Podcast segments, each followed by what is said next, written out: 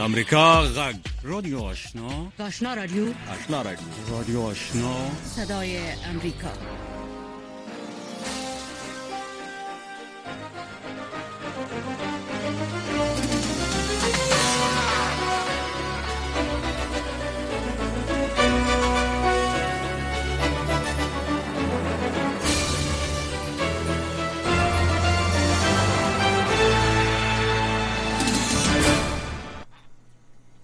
د امریکا غږ آشنا رادیو قدرمن اوریدونکو د امریکا غږ آشنا رادیو نننۍ ځانګړي خبرونه ته خراغلاست. د امریکا غږ د افغانستان څنګه سر د نن څخه د اگست میاشتې تر 15مې پورې چې د جمهوریت د پرزیدو او واک ته د طالبانو د رسیدو یو کال پوره کیږي تاسو ته خبري او څېړنیزه ځانګړي خبرونه چمتو کړې ده. په دې خبرونو کې به راپورټونه مرکه او نور څېړنیز مسایل هم شامل وي د دې خبرونو ځانګړتیا څه ده؟ هغه دا ده چې هر ورځ موږ تاسو د ژوند سره یو مهمه تړلې موضوع ټاکلې ده او له هر اړخه به د رپورټونو مرکو او تاسو د خبرګونونو په رابرسیره کولو په ځیر وڅېړو زنن ستاسو په خدمت کې یم او زما سره زما قدرمن همکار حفیظ اصفی صاحب هم ما سره مل دی استری مشه. تشکر از شما بانو علامه خوش آمدین به برنامه.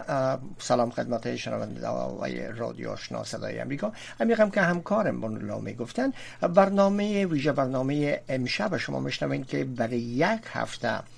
برای دوازده ساعت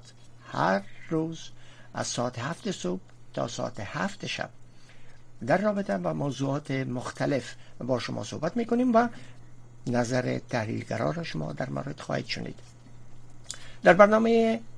امروز با وقت واشنگتن و امشب با وقت افغانستان در رابطه با آزادی مطبوعات و رسانه ها صحبت می‌کنیم درست است؟ بالکل په افغانستان د طالبانو واکمنۍ ته په خپل ژورنالستان په اصل کې ریښتونی ژورنالستان په کومه سترګه ګوري د عام ولس غوښتنې اوس د دغه نوې واکمنۍ نه څه دي آیا نړۍ ته د افغانستان څخه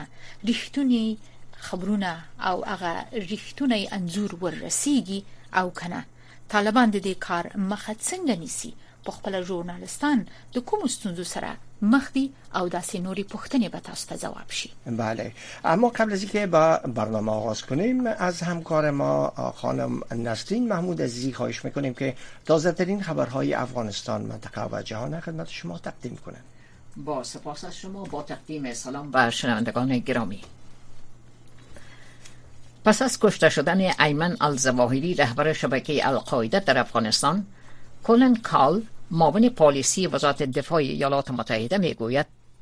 این رویداد نشان داد که اگر آنان در افغانستان سرباز هم نداشته باشند می توانند به سرکوب حراس افغانی رسیدگی کنند.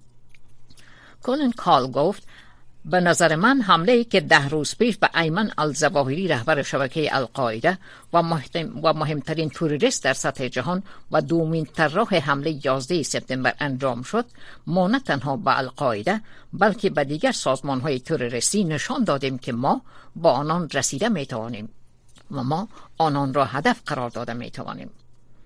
اظهارات آقای کالن که برای یک نیروی نظامی قوی جهان پالیسی طرح می کند این را نشان می دهد که احتمالا امریکا برای سرکوب حراس افغانی در افغانستان جدا از حضور کدام نیروی نظامی راه دیگری را دارد. راههایی که از طریق آن رهبر القاعده را از بین برد. دیوید پتریاس جنرال متقاعد و رئیس پیشین اداره استخبارات ایالات متحده می‌گوید اشتباهات قابل ملاحظه در 20 سال حضور نظامی ایالات متحده در افغانستان انجام شده است. در حالی که به یک سالگی خروج نظامی امریکا از افغانستان چند روز باقی مانده است آقای پتریاس در یک مقاله که در روزنامه اتلانتیک به نشر رسیده با تذکر از سقوط حکومت افغانستان و برگشت طالبان به قدرت گفته است که نتایج خروج ایالات متحده از افغانستان برای این کشور ویران کننده است. این جنرال بازنشستن نگاشته است که به طور خلاصه افغانستان با حدود چهل میلیون نفوس افرادی که ایالات متحده در دو دهه تلاش داشت به آنان کمک کند به سرکوب و محرومیت در آینده محکومند و به و به گفته وی احتمالا در سالهای آینده تولید کننده اسلامگرایی افراطی باشند. جنرال پاتریاس این را هم گفته است که در حقیقت در 20 سال حضور امریکا در افغانستان واشنگتن اگر به اندازه کافی از اشتباهات خود در این راه دوری می کرد و یا به اصلاح آن می کوشید گزینه های تعهد دوامدار امریکا به افغانستان برای حکومت های بعدی در واشنگتن جذابتر می بود و ممکن مانع خروج کامل از افغانستان می شد. دیوید پاتریاس در زمان حکومت باراک اوباما فرماندهی قوای نظامی ایالات متحده را در افغانستان نیز به عهده داشت. همزمان با نگرانی ها از احتمال فروپاشی نظام صحی افغانستان سازمان جهانی صحت روز سهشنبه نهم آگوست در گزارش گفت در حال حاضر این کشور با شیوع سرخکان تب کانگو و تب استخوان شکن روبروست به گفته این سازمان هرچند واقعات سرخکان در این کشور در مقایسه با ماهای گذشته کاهش یافته است اما هنوز هم موارد ابتلا به این بیماری در تمامی ولایات گزارش می شود. اخیرا وزارت صحت حکومت طالبان از افزایش موارد سرخکان در افغانستان ابراز نگرانی کرده و گفته بود که در جریان امسال واقعات این بیماری دو برابر شده است. بر اساس معلومات این وزارت از آغاز ماه جنوری تا, تا پایان ماه مارچ سال جاری 25215 واقعه سرخکان در 33 ولایت ثبت شده که از این میان 186 کودک مبتلا به این بیماری جان باختند. سازمان جهانی صحت همچنان گفته است که در هفته های اخیر چندین مورد مرگ تب خونریزی دهنده کانگو در دست کم 13 ولایت افغانستان گزارش شده است. در این گزارش آمار دقیق از مرگ ناشی از این بیماری ارائه نگردیده است. تب کانگو یک بیماری ویروسی منتقل شده از کنه با منشه مشترک بین انسان و حیوانات است افرادی که با حیوانات سر و کار دارند و یا قصاب ها و کارگران و کشتارگاه ها سر و کارشان می باشد بیشتر از دیگران در معرض خطر عفونت قرار می گیرند. شنوندگان گرامی این بود مشروع اخبار این ساعت از رادیو آشنا صدای امریکا که پیشکش شما گردید رئیس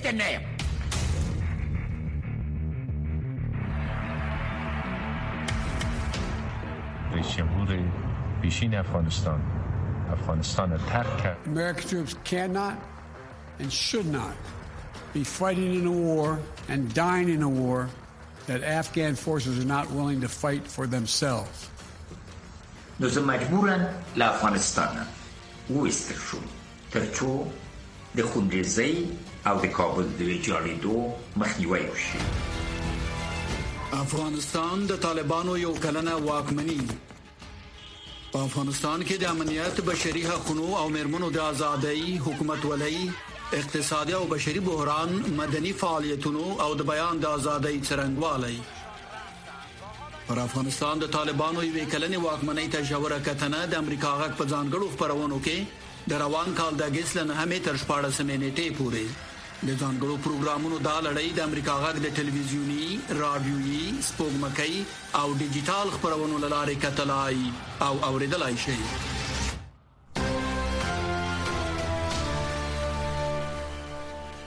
خبرهای افغانستان منطقه و جهان از رادیو آشنا صدای امریکا شنیدین. شنوندگان عزیز شما شنونده ویژه برنامه هستین که در رابطه به یک سالگی سقوط جمهوریت و بازگشت طالبان به افغانستان اختصاص یافته.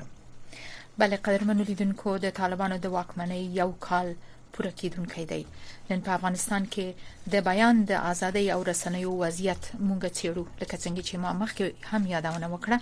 په دې څو ورځو کې به په افغانستان کې بیلابل ستونزې او بیلابل مسایل راوسپړو نو نن مو خبرونه د بیان او از رسنیو ازادۍ ته ځانګړې کړې ده. افغانستان چې یو کال وړاندې د سیمې او آسیایي هیوادونو په شمیر کې چې هیوادونه دي د بیان د ازادۍ لړخه او همدارنګه د رسنیو د ازادۍ لړخه لوی لاستراوړنې درلودې. بله کاملا. او خپل د افغانستان حکومت هم همدا تل یادونه کوي چې یادونه کوله چې د دوی په لاستراوړنو کې د بیان د ازادۍ او د رسنیو ازادۍ لوی لاستراوړنې دي چې په خپل د خلکو ازادي د خلکو حقوق تضمین ور باندې کېدل شي. بله. و این رابطه سازمان گزارشگران بدون مرز گفته گزارش که به نشر رساندن در شاخص آزادی مطبوعات در بین 180 کشور افغانستان 34 پله نزول کرده. یعنی به اساسی گزارش در افغانستان در ردبندی به مقام 156 مین کشور از نگاه آزادی بیان سقوط کرده او نو دا خپل شاتک د بیان د ازادۍ هم درنګ د رسنیو د ازادۍ په برخه اسفی سه مونږ زموږ سره دوه همکاران در بخش اول هستند بله دوی را سره مل دي ظفر بامیانی صاحب زموږ په خپل د امریکا غږ خبريال او همدارنګه سید شینواری صاحب د طلوع د تلویزیون په خوانی نطاق چې د آلمان څخه موږ سره یو ځای شوی دی ببینید مهمان ما روی خط هستن آقای شینواری سلام بر شما خوش آمدین صدای ما رو بشنوین خیر اقلی سید شما سلام خسته سعادت است تشکر از شما. جناب آقای بامیانی سلام به شما خوش آمدین. صدای ما رو دارین سلام خدمت شما خدمت سعادت و خدمت مهمان برنامه. امیدوار هستم جو صحتمند باشین صدای شما رو بین تشکر. هر دو مهمان خوش آمدین. خوش آمدین. بفرمایید بانو لامین. مننه له تاسو نه اسفي سب زبا اول د شینواری صاحب نه پښتنه وکم شینواری صاحب تاسو اوسم د جنو هغه خبريالانو سره چې په افغانستان کې دي زه مطمئنه یم چې تاسو سره په تماس کې یاست د غوي څخه اوري د غوي ستونزې حتما را برسیره شوې دي ځکه دا هغه ستونزې دي چې په نړیوالو رسنیو کې هم ور باندې خبرې کیږي او را برسیره شوې دي لومړی بل تاسو نه وپوښتم تاسو خپل تجربه او تاسو د نورونه اوس څه اوري مهرباني سره بیا هم سلام خاصه سعادت خورتاس او تاسو درنو اوریدونکو ته تیر یو کال کې متاسفانه تاریخ به یو ور بیا راشي یو بل کې چې د افغانستان د تاریخ یو توره دوره معنا دا چې ټول شواهد په دې رابطه باندې چې ګواکې الته بشري ژوند تاریخ شوی دی هلته د بیان ازادي زنده شوی دی هلته چې د خلکو نه کار اخیستل شوی خلکو ته هغه بنیادی حقوقونه نه ورکول کیږي. په دې رابطه به یوازې یو کار خطر کې وبوي چې د افغانستان د تاریخ تور باب. په تیر یو کال کې افغانستان تاسو ورته اشاره وکړه د report ما هم وکړه چې افغانستان تیر کال د بیان د ازادۍ لپاره یو څل څلریشتمه درجه کې او د اسیا په کچه باندې د افغانستان د رسنیو قانون تر ټولو غوړه قوانینو کې حساب شو. او دغه اوسې نوې چیرنه کې یو څل شپږ پنځوسم برخه ته یا سټیپ ته مونږ تللیو دا خو هغه څه دي چې زه وایم چې د دین هم یعنی موږ صفر خواته به خیره کته شي دا خو هغه څه دي دا هغه څه په بنیاد باندې چې طالبانو یو څه تجلوه ورکړی دا او ویلي دي چې ګواکې موږ د بیان ازادۍ ته یا څور رسنۍ په زور یا د ساري کړی دي فعالیت لپاره. او خلکو ته وایي چې ګواکې دلته رسنۍ فعالیت کوي. نو هغه په بنیاد باندې بدون مرز خبريالانو ټولنې هم یو څه ریپورت چمتو کړي او څو ډیر شې څلور د شته په شاته تللی اصلي خبره ده چې افغانستان بيخي د صفر خاطر په دې باندې نزول کړی دی. په افغانستان کې تقریبا و میاشتې چې ما د سقوط نورسته په افغانستان کې تیر کړی د 300 نه زیات رسنۍ د سقوط شي په یو بارګي ډول باندې دوی به تبه چې چا پښتنه ورنو کړی دا ولی دوی به ویل چې پروژې ور باندې بند شي یو ډول تحقیر به کو ویل به چې په دوی باندې مالی منابع قطع شول. حال دا چې د دوی د سخت سانسورشپ د دوی د سخت قوانینو څو رسنیو دروازې دوی په خپل په زور باندې ور وټړلې او څه چې د بندیزونه زیات شول ته چې یو چاته وایي چې دا شی به نشري او دا به نه نشري ته چې یو چاته د د خبرونو سکیجول یې پر لپسې چې کوي داغه د خبرونو سټایل باندې خبره ورسره کوي چې دغه لفظ دی زیات لیکل او د کم لیکل ما خو ته د سی ویلو ته تابع د ریپورت د سی نشر کړی نو د دې وجه نډیر رسنیو چې خپل دروازې وتړلې هیڅ دوی انټنونه ټول نکړل او دروازې هم د څه باندې پاتې شوې ځینې رسنیو ته دوی جنجالونه جوړ کړل ورته ویل چې تاسو باندې فیسونه پاتې دي. جمهوریت د دغه رسنیو سره ډیر په نرمه باندې چلن کوي ځکه بیان ازادي تشمن وو رښتیا و چې په ډیر رسنیو باندې ډیر وګړي قرضونه پاتې وو مګر طالبانو یو کال څه چې یو دوه میاشتې دوی توصله ونه کړه او یو په یو بهانه او په بل بهانه باندې دوی مجبور کړ چې بندي کړي. تشکر شینواری صاحب مننه کور ودان له تاسو نه. او دا په داسې حال کې د شینوالي دوی د وجنه بي وظیفې شول. تقریبا مونږ چې ځنې د سلو پوري اتیاو پوري ځنې پیخي مونږ دوی سره مطرح کړی چې د تاسو خبريالانو باندې تیرې کړې دي یا تاسو دوی سره توتریخواله کړې دي اغام دوی ونه چړلې بله. او اوس خبريالان هر هغه دندې ته چې دوی ته مهیا د دوی ور مخ او وړي او ور دوی لاس ور غزوي او غواړي چې له هر اړخه چکیږي دوی یو کار ته دوام ورکړي. مونږ یو رپورت لرو چې یو په خوانی خبريال اوس بسګرۍ ته مخه کړې ده او له همدې لارې خپل د کورنۍ معیشت برابروي. مشکلات ډیر دي له همدې اړخه له همدې کبله د رسنیو فعالیت اهمیت هم او ارزښت لوړیږي. باید خبرونه او رپورټونه د افغانستان نه زیات وي خو لبد مرغه د دغه سنسرشپ او د دغه کنټرول لکه چې تاسو یادونه وکړه رپورټونه هم مونږ نه ترلاسه کوو. آسفی سب میروانی بله تشکر از شما. جناب آقای بامیانی با بازگشت طالبان شما در افغانستان بودن و همچنان مشغول فعالیت ها در عرصه خبررسانی و مطبوعات. آنچه در قدم اول شما را تکان داد. در, مقایسه با آنچه که شما قبلا انجام می‌دادین چی بود؟ نکته عمده که شما را بسیار دست پای شما را به اصطلاح بسته کرد و محدود ساخت چی بود؟ تشکر آصفی سید. موضوعی که برای خبرنگارا به خصوص خبرنگارایی که در ساحات ناامن افغانستان کار می‌کردن جای نگرانی بود. ای بود که یک تغییر صد درصدی چیزی که شنوار سیب گفتن در زندگی وضعیت تمام اتباع افغانستان و در این حال تمام طبقات اجتماعی رونما شد و متاسفانه وضعیت را به شکل صد درصدی تغییر داد. هرچند شما شاهد هستین که قبل از نظام سقوط, سقوط نظام قبلی دشواره ها و نگرانی های فراروی کار رسانه‌ای و در این حال خبرنگارای افغان وجود داشت. در ولایت مختلف از ترور گرفته تا تهدیدات و سایر موارد. اما تصویری که از حضور طالبان از موجودیت طالبان و در این حال از گذشته حاکمیت طالبان وجود داشت این نگران کننده تر از همه موارد بود. اواخر دهه هفتاد پس از ای که طالبا برای نخستین بار افغانستان را زیر تسلط خود در آوردند استبداد و محدودیت هایی را که بر زندگی اجتماعی مردم زنان و اقشار مختلف مردم وضع کرده بودی به نحو زندگی مردم را متاثر ساخته بود. روی همین لحاظ مردم نگران بودن به خصوص خبرنگاران افغان. خبرنگاران از فعالیت هایی که انجام می‌دادند از گزارش هایی را که تهیه کرده بودند در گذشته در دوران نظام جمهوریت به نحوی اگر انتقاد از متوجه طالبان می‌شد اونا بیشتر متاثر بودن از شرایط وضعیت. شنوار موضوع را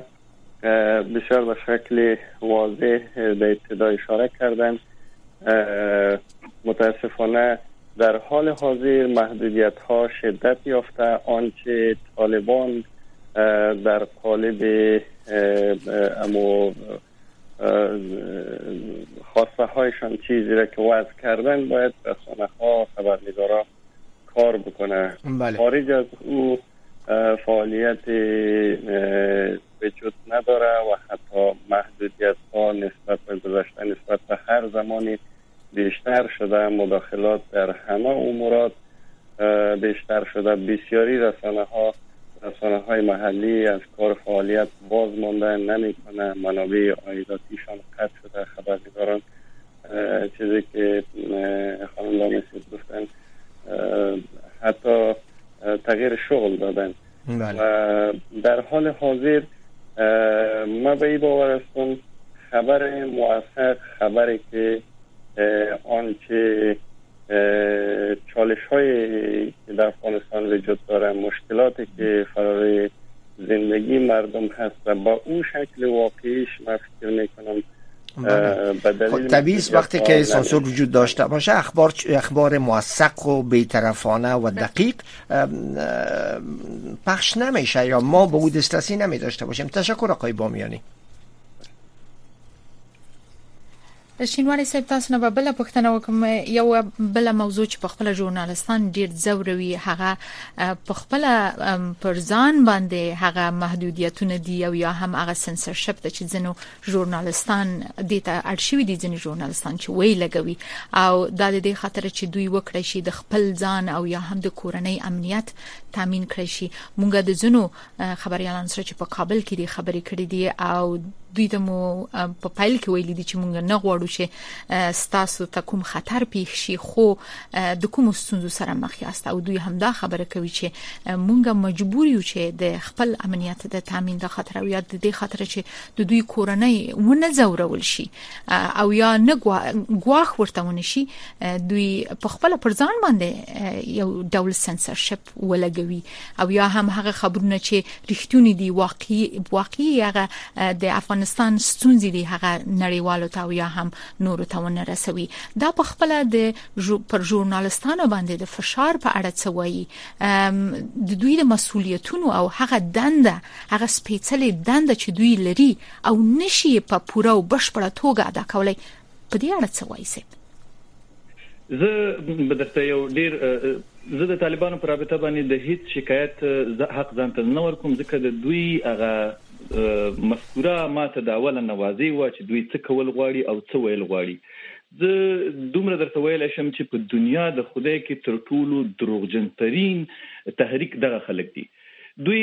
مثلا موږ ته وایي چې تاسو د شریعت په چوکاټ کې نشرات وکړئ دا د شریعت چوکاټ چې دوی ته وایي چې ښا د زخم مسلمانیم زخم په اصول پویګم د تیر چې تاسو ورته غلام رژیم وایي هغه هم مسلمانان او هغه هم د قانون جوړ کړو خطر راشه ماته د ستاد تاسو د شریعت نه کم برداشت کړی دغه یو قانون راته جوړ کړ چې زه امغه عمل وکم زه ما یو ورځ دوی ته د دوی په دفتر کې ویل استخباراتو کې چې تاسو د څه وکي ک تاسو موږ نه پریدي او رواني ټارچر راکوي تاسو د څه وکي چې ټول رسنۍ وبانی یو بلبورډ نسب نسب کې ورته وایي چې تاسو د زموږ د طالبانو پلان کې رسنۍ. یا ورته هر یو کس ته تاسو سوالونه ورکړي چې تاسو به د دین خلاف پښتنه نه کوي د دین خلاف ریپورت بم نه جوړوي بیا به دا غي نه وروسته موږ پوه شو چې تاسو څه غواړي د دوی چې په سار په مغزو کې څه شی راولګي یا ماخام د دوی په مغزو کې په نشرات باندې څه شی بد ولګي هغه دوی لپاره شریعت ته هغه دوی لپاره دغه هغه هغه باندې خلاف امغه عمل کوي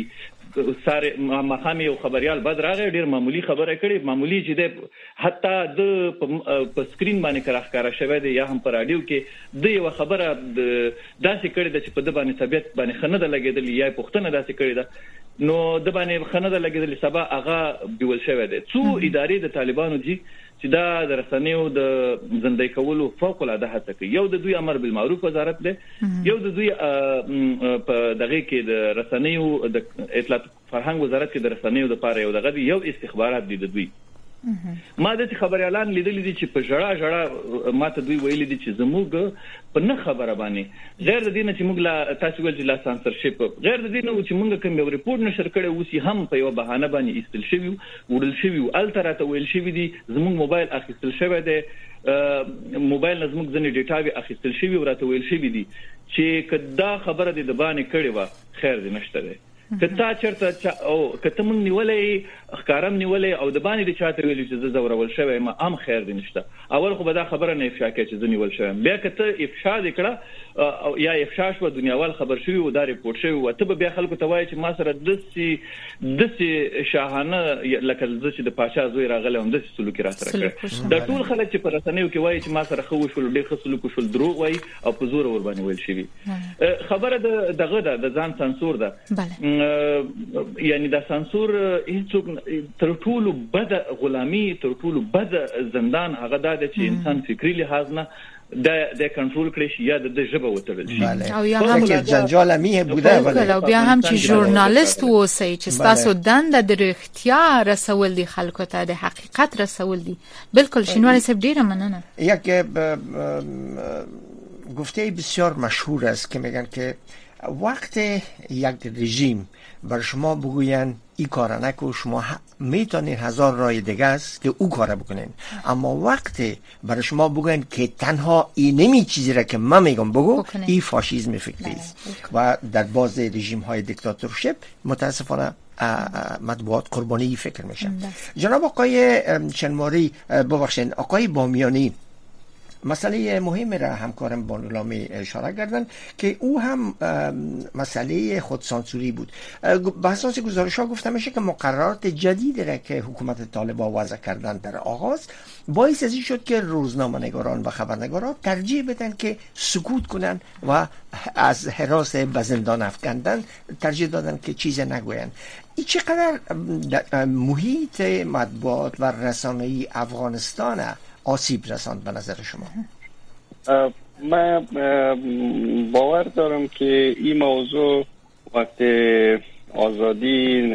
فکری وجود نداشته باشه. آزادی نوشتن و آزادی بیان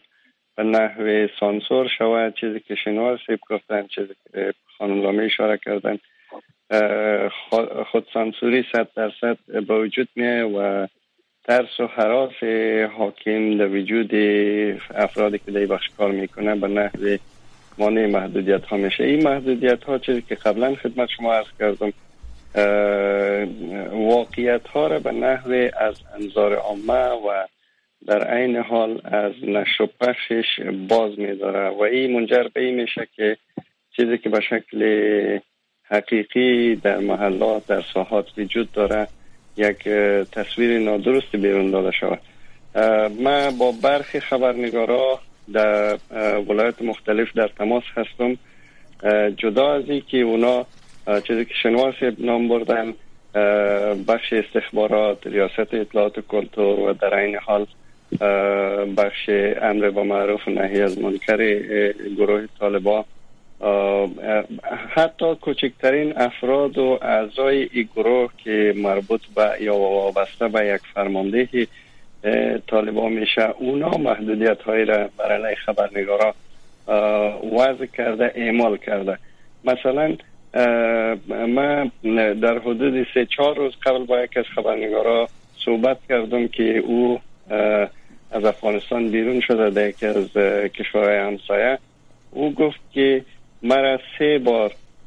ریاست اطلاعات و فرهنگ فرا خواند و از من خواست که جدا از این که ما مثلا میگیم که این موارد را شما باید نشر کنین در رادیویتان این موارد منعکس شود شما حق ندارین در صفحات فیسبوکتان هم مواردی که خلاف پالیسی ما باشه یا خلاف چیزی که اونا ترسیم کردن خلاف شهر و اصول باشه این را شما نشر کنین. این محدودیت ها یک شرایط را به وجود آورده که حتی جدا از بحث روزنامه نگاران و خبرنگارا مردم عادی نمی‌تونه به شکل حقیقی و واقعی چیزی که وجود داره بیان بکنه. این محدودیت ها تا حد را تا حد زیاد را مردم را واداشته که کتمان واقعیت می‌کنه مردم تا مجبور نشوند تا یک صدمه جدی را منابع رسانه ها مثلا افراد عادی شهروندان دکانداران کسایی که در محلات مختلف از وضعیت از شرایط نوسامان فعلی متاثر و متضرر هستند اونا نمی‌تونه وضعیت را به شکل حقیقیش بیان بکنه برای رسانه ها چه رسد به ای که خبرنگارا واقعیت را پیدا بکنه؟ من فکر می‌کنم چیزی که در ابتدا شما با توجه به موضوع برنامه عرض کردین که سی و چند درصد متاسفانه وضعیت آزادی بیان در افغانستان عقب گرد داشته. ای حتی ممکن است بیشتر از این باشه چون به دلیل از اینکه محدودیت ها نسبت به گذشته نسبت به هر زمان دیگر بیشتر اعمال شده. و ما متاسفانه یک شرایط را تجربه کردیم که در اوج شگوفایی به اصطلاح رشد و ترقی آزادی بیان رشد مطبوعات و در این حال uh, uh, uh